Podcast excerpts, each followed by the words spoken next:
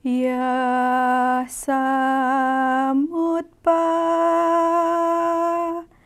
titam krodam.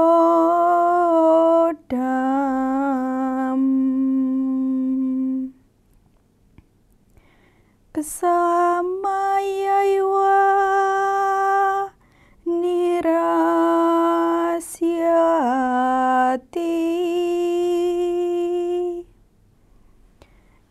Ya torakas tuajam jirman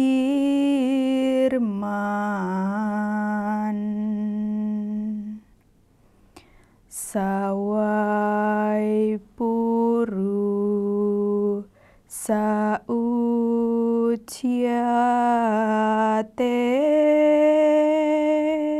Jika ada orang yang berhasil meninggalkan kemarahan hatinya berdasarkan kesabaran hati sebagai keadaan ular yang meninggalkan kulitnya yang terlepas.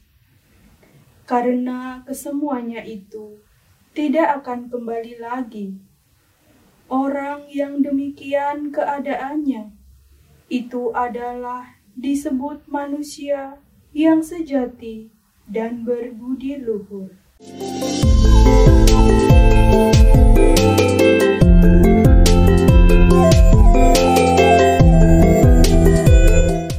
Om Swastiastu.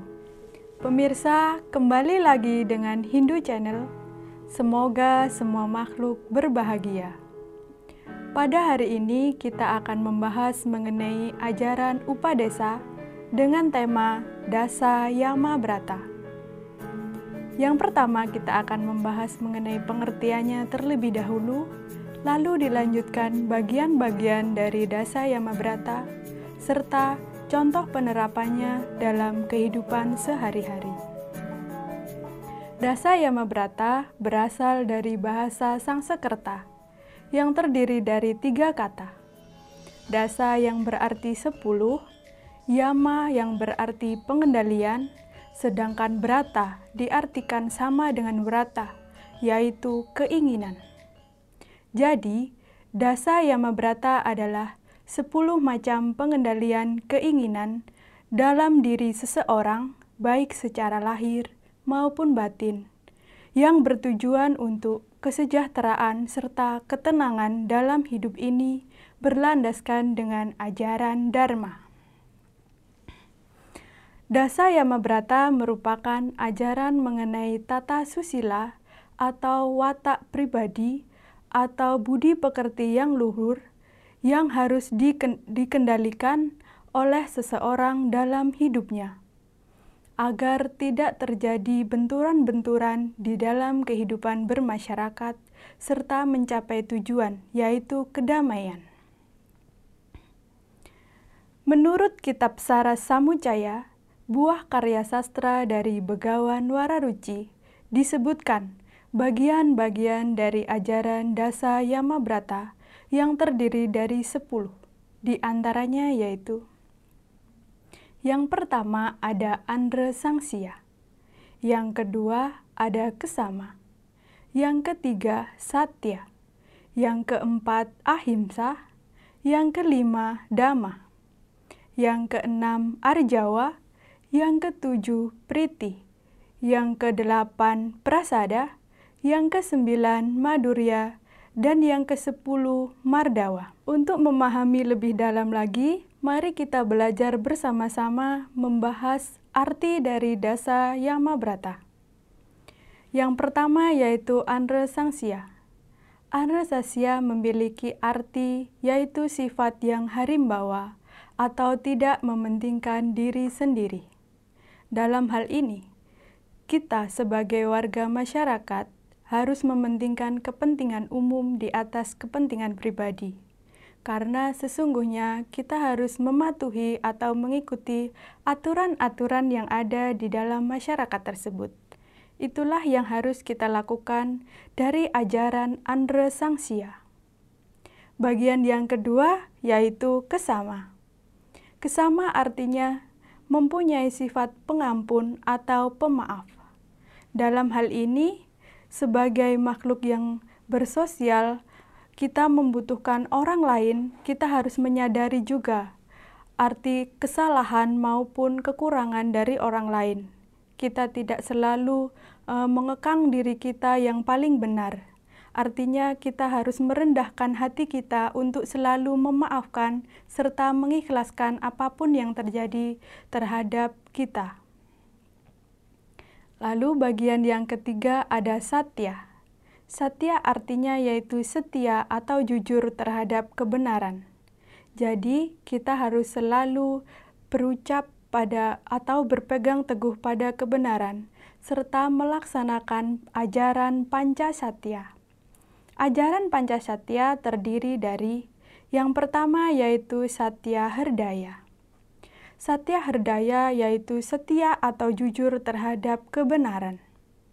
Yang kedua ada Satya Laksana, yaitu setia atau jujur terhadap perbuatan.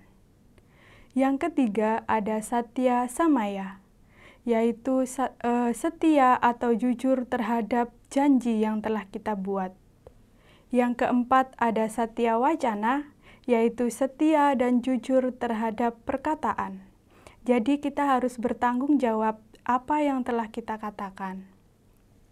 Dan bagian yang terakhir yaitu satya mitra, yaitu setia dan jujur dalam persahabatan. Nah, itulah bagian-bagian dari Pancasatya yang harus kita terapkan dalam kehidupan sehari-hari. Bagian yang keempat yaitu ada ahimsa. Ahimsa artinya tidak membunuh atau tidak menyakiti makhluk ciptaan ide Sang Yang Widiwasa. Nah, dalam ajaran ini kita selalu uh, menebarkan cinta kasih kepada semua makhluk. Contohnya, contohnya yaitu merawat tanaman atau tumbuh-tumbuhan, memelihara hewan dengan baik, serta selalu menghargai perasaan orang lain agar tidak menimbulkan uh, sakit hati terhadap orang lain.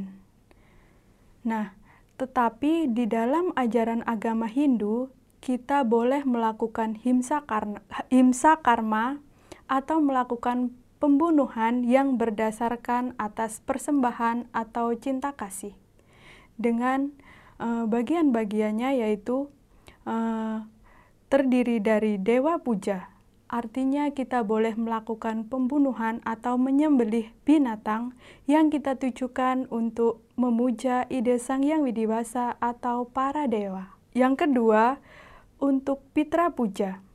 Artinya kita boleh melakukan pembunuhan yang kita tujukan untuk memuja leluhur Lalu yang ketiga yaitu Atiti Puja. Atiti Puja merupakan persembahan yang kita tujukan kepada para tamu. Yang keempat yaitu Dharma Wigata. Artinya kita boleh melakukan pembunuhan di dalam situasi peperangan. Demikianlah ajaran ahimsa menurut Dasa Yamabrata. Selanjutnya bagian yang kelima dari ajaran Dasa Yamabrata yaitu Dhamma. Dhamma artinya memiliki sifat sabar serta bisa menasehati diri sendiri. Dalam hal ini, kita selalu berpikir yang baik sebelum kita melakukan perbuatan, karena semua yang kita lakukan harus kita pertanggungjawabkan. Kita bisa merenungkan diri uh, merenungkan semua kesalahan-kesalahan yang telah kita lakukan untuk menjadi pribadi yang lebih baik lagi. Bagian yang keenam adalah arjawa. Arjawa memiliki arti tulus hati atau tulus ikhlas. Dalam hal ini, kita harus bisa mengikhlaskan apa pun yang terjadi kepada diri kita dengan selalu berucap syukur kepada ide Sang Yang Widiwasa maupun kepada semua makhluk. Bagian yang ketujuh yaitu priti.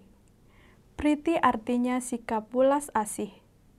Welas asih harus kita tanamkan mulai dari hewan, tumbuhan, serta sesama manusia dengan cara memelihara maupun merawat tanaman dengan baik.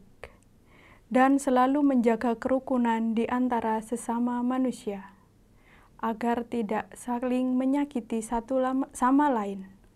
Selanjutnya bagian yang kedelapan yaitu prasada. Prasada artinya kejernihan hati. Nah, kejernihan hati ini dimulai dari pikiran kita. Kita harus bisa mengendalikan pikiran agar selalu berpikir yang jernih serta positif. Dengan hal tersebut, maka hati kita tersentuh untuk selalu melakukan kebaikan serta tolong-menolong dalam kehidupan bermasyarakat. Bagian yang kesembilan ada madurya. Madurya artinya yaitu memiliki pandangan yang manis serta perkataan yang baik. Nah, ajaran ini mengajarkan kita untuk selalu memiliki etika seperti sopan santun, ramah tamah, serta menebarkan kebaikan dan e, menebarkan senyuman kepada sesama. Bagian yang ke-10 yaitu mardawa. Mardawa artinya memiliki rendah hati, serta tidak menyombongkan diri. Nah, sebagai warga masyarakat, kita harus selalu hidup rukun dengan cara saling menghargai, suka tolong-menolong antar sesama. Jangan mengira diri kita paling pinter sehingga kita bisa menyombongkan diri. Sesungguhnya, kita bisa mencari pengalaman atau belajar bersama-sama agar selalu merendahkan diri kita untuk selalu belajar untuk berbuat kebaikan. Nah, sesuai dengan ajaran Dasa Yamabrata, barang siapa yang bisa meninggalkan kemarahannya dan bisa memperbaiki diri, maka dia akan menjadi manusia yang berbudi luhur. Demikian yang dapat saya sampaikan mengenai ajaran Dasa Yamabrata. Semoga menambah wawasan dan bermanfaat bagi kita semua. Saya akhiri dengan puja para mesanti. Om Shanti.